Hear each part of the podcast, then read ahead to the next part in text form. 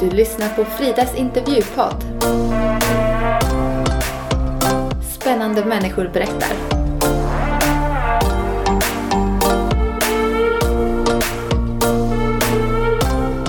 I det här avsnittet så får ni lyssna till en världsvan globentrotter som inte får nog av äventyr. Redan som tioåring bodde Susanna utomlands och inte kan man tro att hon var blyg som barn.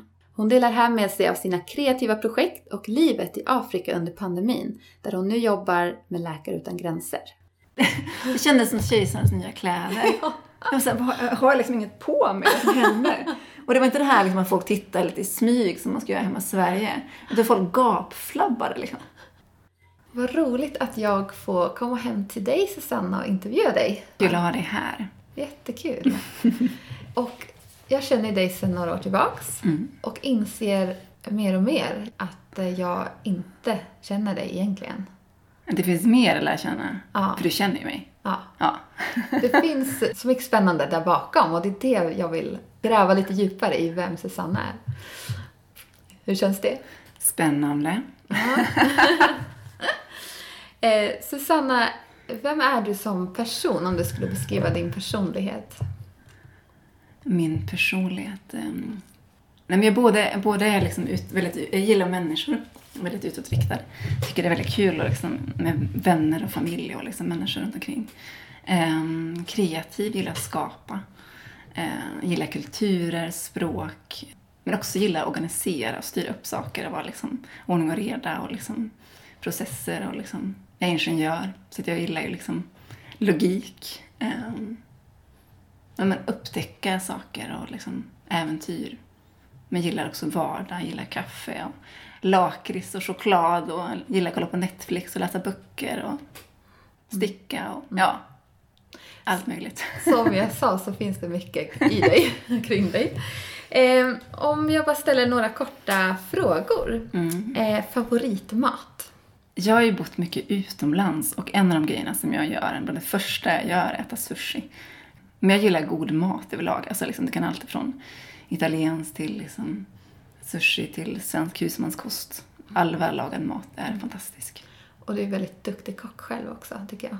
Ja, det var ju fint att du tycker det. Eh, favoritfärg? Du är ju en väldigt färgglad människa. Ja, men jag gillar såna här eh, blågröna toner. Eller så här petrolfärger. Favoritland? Ska jag välja ett land så är det nog Sverige. Du har rest för mycket. Nej, Men jag tänker att, så här, att jag, om, man har, om man har bott mycket utomlands och rest mycket så betyder det inte att man inte gillar sitt hemland. Alltså jag tycker ju, jag älskar Sverige. Men jag har kanske också en, en, ett driv och en längtan och rastlöshet som gör att jag inte bara bor i Sverige.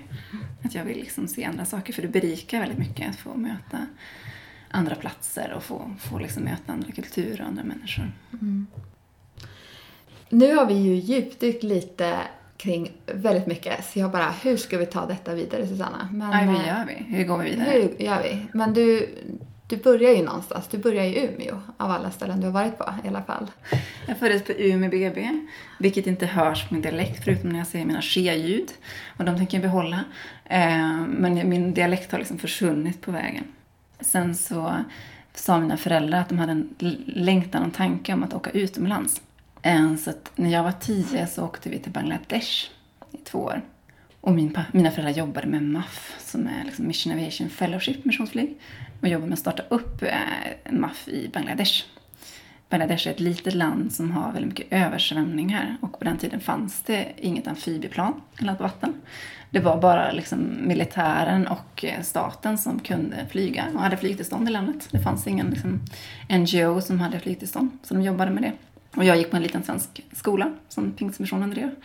Eh, och det var ju, alltså det var ju verkligen så här formande år att eh, gå, från ett litet samhälle där vi knappt hade, eller jag vet att vi hade en kille som var lite mörkhyad vars mamma var från Afrika. Så hade vi, vi hade, jag tror inte vi hade några invandrare liksom, när jag växte upp. Eh, det var väldigt liksom ett gammalt brukssamhälle liksom, i norra Sverige. Till att liksom, åka till land med mycket folk och liksom också rika och fattiga och konflikt, alltså de här, de här klyftorna och liksom, eh, värmen och liksom Och sen det här var ju innan, alltså innan man kunde liksom lätt googla upp uppgifter. Alltså det här var ju liksom innan, jag vet, mina föräldrar hade mail, men det var liksom innan allt sånt liksom verkligen var på plats. Så att jag vet att min äldsta syster gick ju på internatskola i Indien och min mamma brevväxlade för att liksom få information om den här skolan och liksom planera hur det här skulle gå till. Liksom. Så det var innan man kunde liksom lätt få reda på saker på det sätt vi gör idag.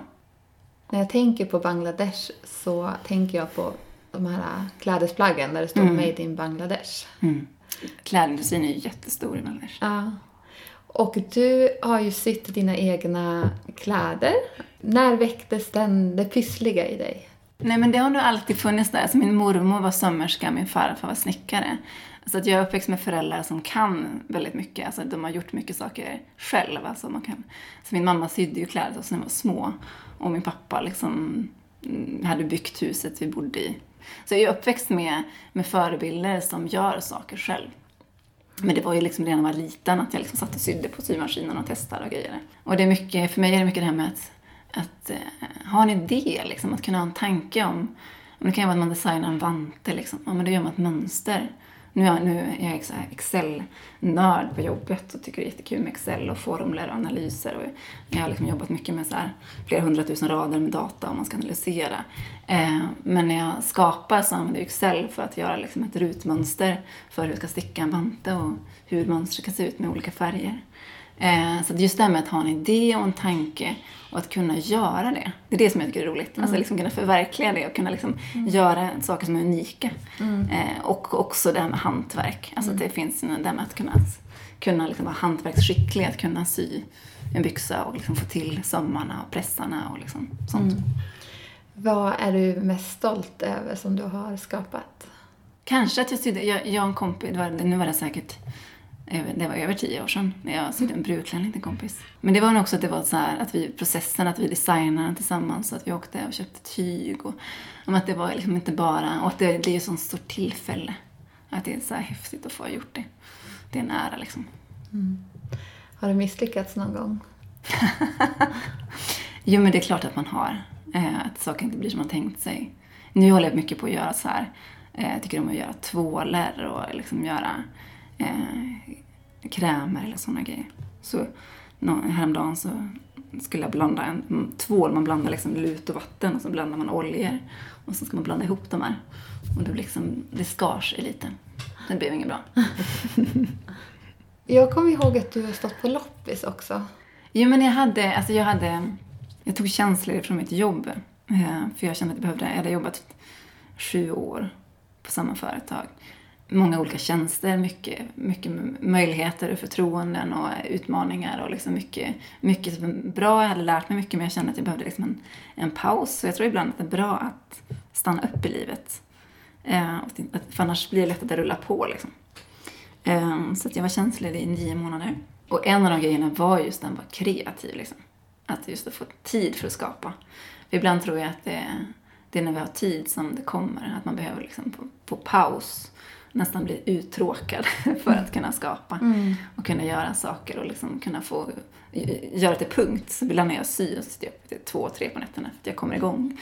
Ehm, så då hade jag, några, eller jag har fortfarande några vänner som också är kreativa, tycker om att skapa. Och det är också så kul att få göra saker tillsammans med andra.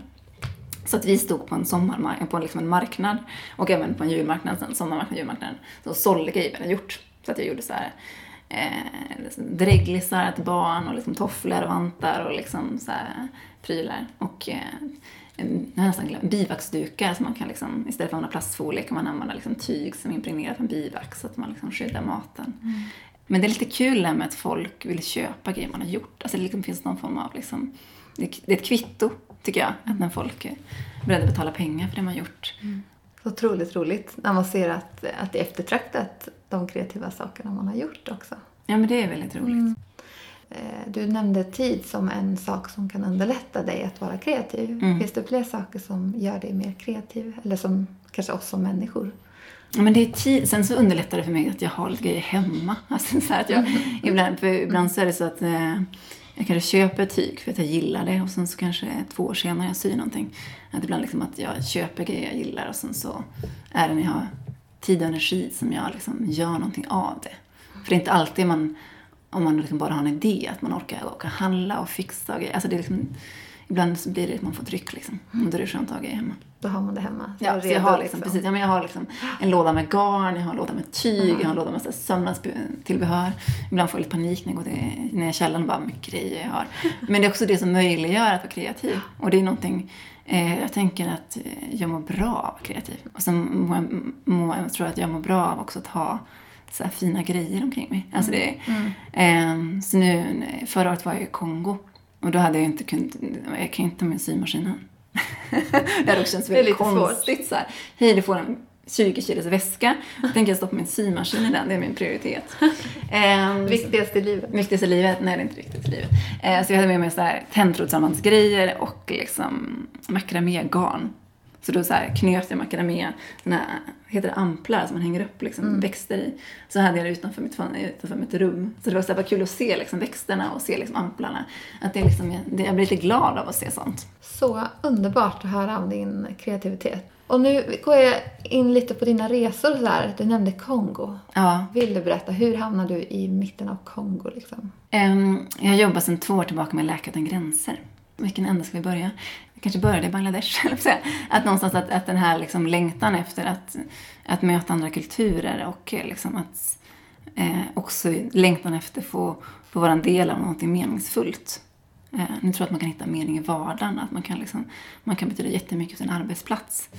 Men jag känner längtan efter liksom, eh, komma ut. Så att jag sökte till Läkare Utan Gränser för att jobba med dem. För jag kände att jag, jag gillar det de gör, jag gillar dem som organisation. Eh, och så fanns det en roll, jag kände att det här kan jag kunna passa mig. Vad var Eh. din rollbeskrivning där inom arbetet? Så att jag är civilingenjör inom industriell ekonomi, läst eh, mot IT och logistik. Och när jag har varit ute i fält så har jag jobbat, så har jag varit ansvarig för supply. Och då ansvarar jag för lager och inköp. Så att när vi har ett lokalt projekt någonstans så är, så är det jag och mitt team som ser till att vi har alla läkemedel, vi har alla papper, all, om det så är diesel eller om det eller spikar och, så är det vi som köper in och lagerhåller och ser till att det finns för projektets verksamhet ska kunna fungera. Nu är det inte jag som möter patienterna. Nu jobbar jag ju för medicinsk organisation så det vi jobbar med är ju medicinsk omvårdnad på något sätt. Om det är så att vi stöttar lokalsjukhus eller vi jobbar liksom med en specifik sjukdom eller jobbar med min första projekt var en specifik sjukdom, sen mitt andra projekt handlade om undernärda barn liksom, eh, och olika epidemier och, och liksom, nu var det mer liksom vanlig sjukvård så att säga. Så att vad vi än gör så är medicinska aktiviteter och även om inte jag möter en patient så är jag ändå en del av maskineriet och en del av att få det att funka. Så att i mitten av eh, mars förra året så åkte jag till Kongo. Som ni kanske alla minns så var det liksom där början av förra året som corona hände. Och jag vet Vem minns inte? Ja, men precis. Och det, eh, jag tänker ibland att det har påverkat folk hemma i Sverige mer, för det var en större förändring, men det har ju också påverkat mig förra året. Så att jag åkte liksom på en torsdag, flög jag till Kinshasa. Eh, och jag vet att samma vecka på lördagen så stängde man ner liksom, gränsen till Danmark. För jag bor ju i Malmö, så jag flög ju från Kastrup. Så hade jag bara liksom varit några dagar senare så hade jag liksom inte kommit till flygplatsen. På fredagen så kör jag så här briefings på kontoret. För jag skulle till östra Kongo, men då skulle jag passera igenom liksom det. Man har alltid ett, eh, kan säga ett huvudkontor i varje land där man liksom koordinerar insatserna och verksamheten i landet. Som man kallar då coordination. Så jag skulle till coordination eh, och få lite briefings med olika personer. Eh, så det hände på fredagen och sen var tanken att på måndagen skulle jag åka till Goma, till östra Kongo. Eh, på lördagen blev jag kallad på ett möte som handlade om corona. Och så frågade jag, är det någon mer som ska dit? Nej, det var du och Valerie. Och Valerie kom till Kongo några dagar innan, så jag bara, vi får se vad det här är för någonting.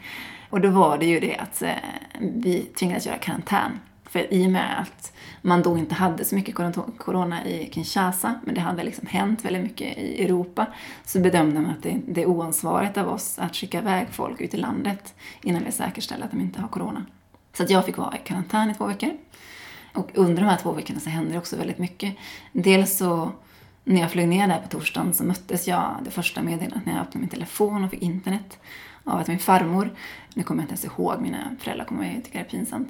Men alltså det var någon, alltså, om det var ett slaganfall, det var någonting, liksom blodpropp, det var något som hände eh, som gjorde att hon inte mådde så bra. Och hon eh, var ju liksom 90 plus. Eh, och sen någon vecka senare så dog hon medan jag var i karantän.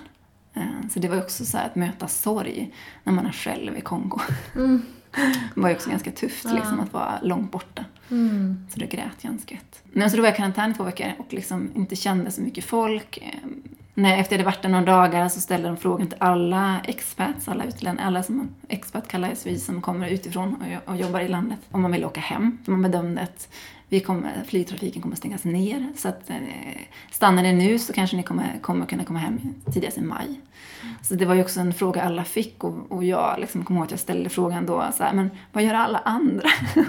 och då sa de, men det är du som bestämmer. Jag bara, men kommer det finnas kvar någon när jag kommer ut? Kommer alla lämna? Kommer jag stå Alla själv lämnar. liksom?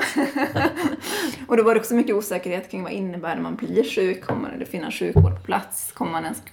Och då sa de också att vanligtvis kan man bli evakuerad när man är någonstans, men det gick ju inte heller. Utan skulle man bli sjuk så, så fanns det förmodligen ingen möjlighet att bli evakuerad för att allting var så nedstängt. Hur var det beslutet för dig? Men det, jag kom ju dit för att vara där i nio månader och det var mycket det som påverkade. Jag kände att jag, jag hade ändå inga planer på att åka hem på ganska länge. Jag tänkte åka hem på semester, men inte liksom, jag hade tänkt vara där ganska länge. Och då påverkar inte det jättemycket och jag tror att det hinner vända tills dess. Och sen så intygade min chef mig att du kommer ha jobb. För det var också det, så jag inte bli fast där utan något att göra liksom. Allt bara ställs in. För det var också osäkerhet i när kommer det liksom öppnas upp så jag kan flyga. För grejen var så här, jag, jag, när jag väl hamnade i karantän hamnade i karantän, låter väl konstigt, men jag liksom fick bo kvar i min lägenhet där jag bodde och fick inte gå ut. det var egentligen det det innebar att vara i karantän. Ehm, så, så stängdes all flygtrafik ner liksom in, in i landet inrikes. Liksom. Så det fanns ingen möjlighet att ta mig till mitt projekt heller. Det var du och ditt rum i Kongo. Ja, jag hade en, en stor bred säng i mitt rum men ingen så här fåtölj eller soffa. Så det hade liksom en dagsida och en nattsida. Fin tillvaro. ja, precis. Det var en fin Ja. tillvaro. Ja. Vad hände sen? Eh, Sen så fick jag komma ut ur den här karantänen. Du blev utsläppt. Ja, precis. Fick flytta till ett annat ställe.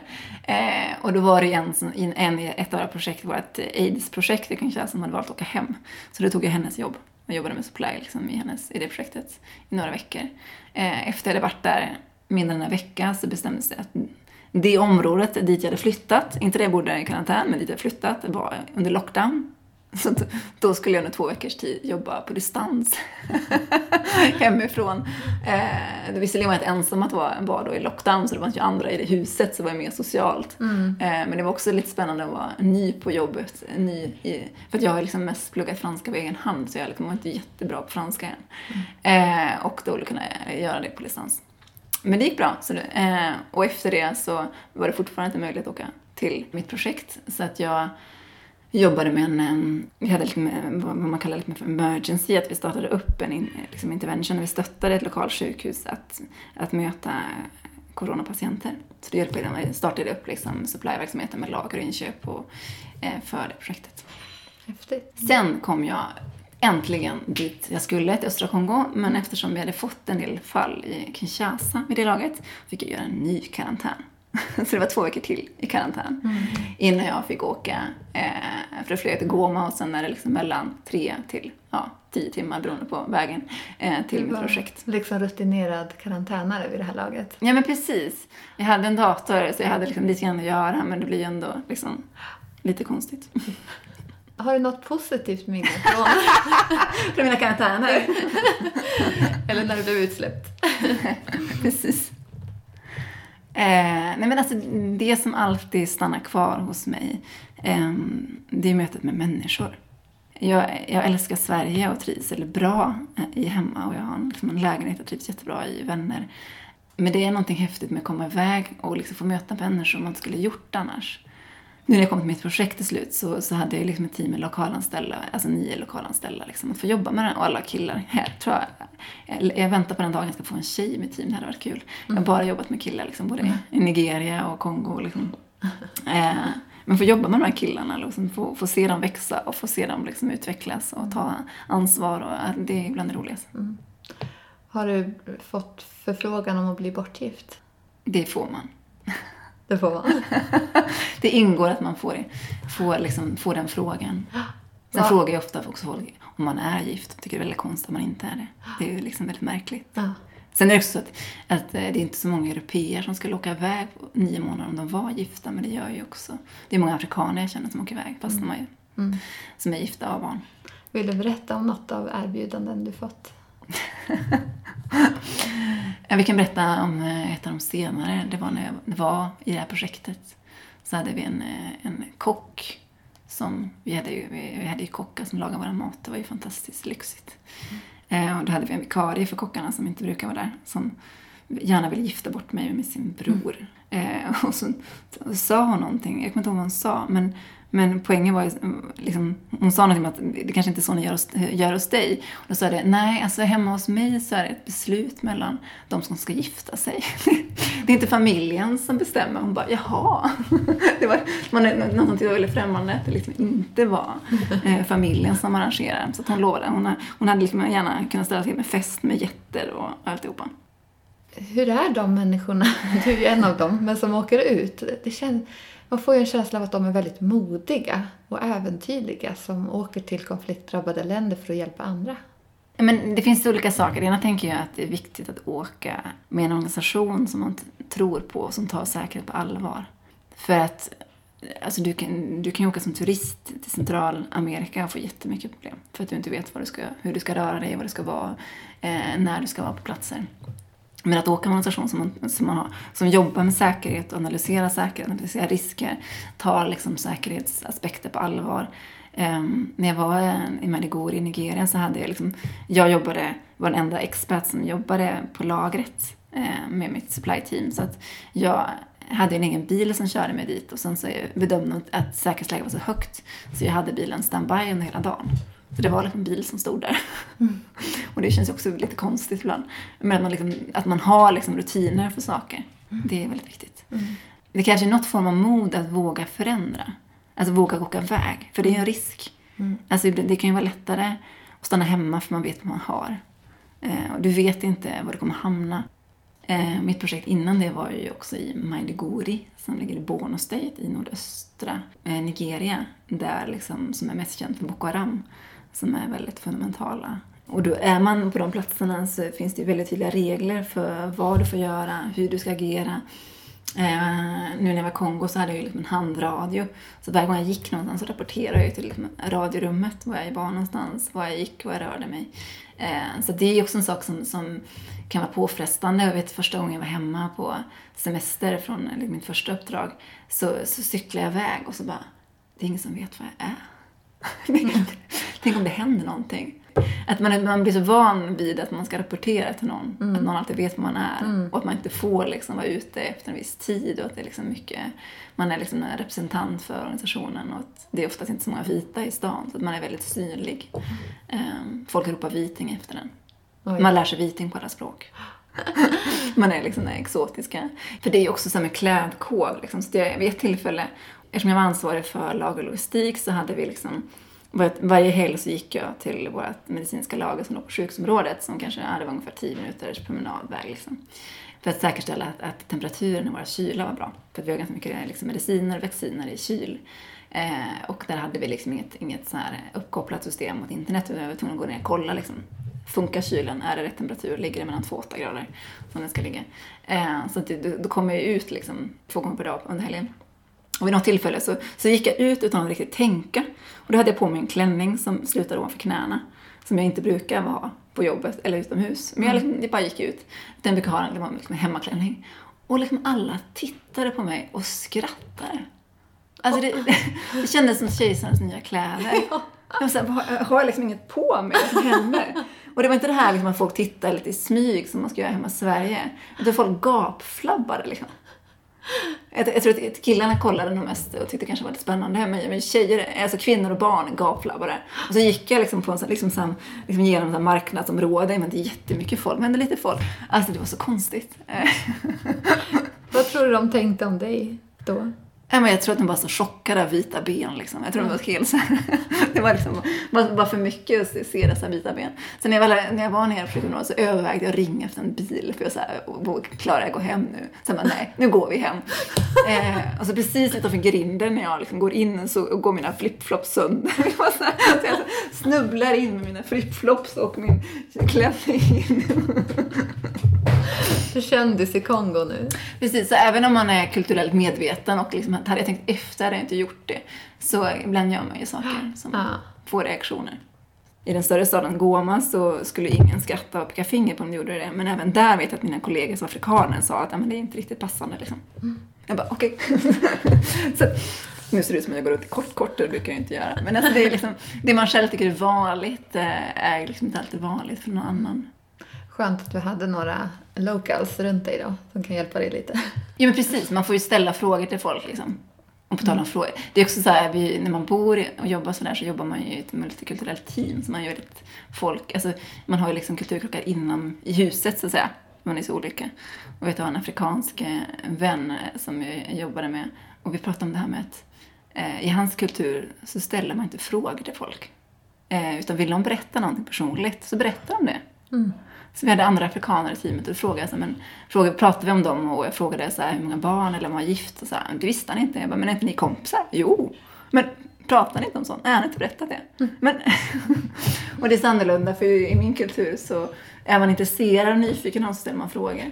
Och i hans värld var det tvärtom. Alltså, Vad fel det kan bli fast att alla menar väl. Ja, precis. Och det är så mycket.